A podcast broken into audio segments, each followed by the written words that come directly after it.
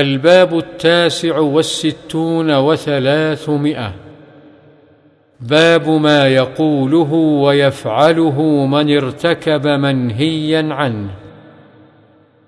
وعن أبي هريرة رضي الله عنه عن النبي صلى الله عليه وسلم قال من حلف فقال في حلفه باللات والعزى فليقل لا إله إلا الله.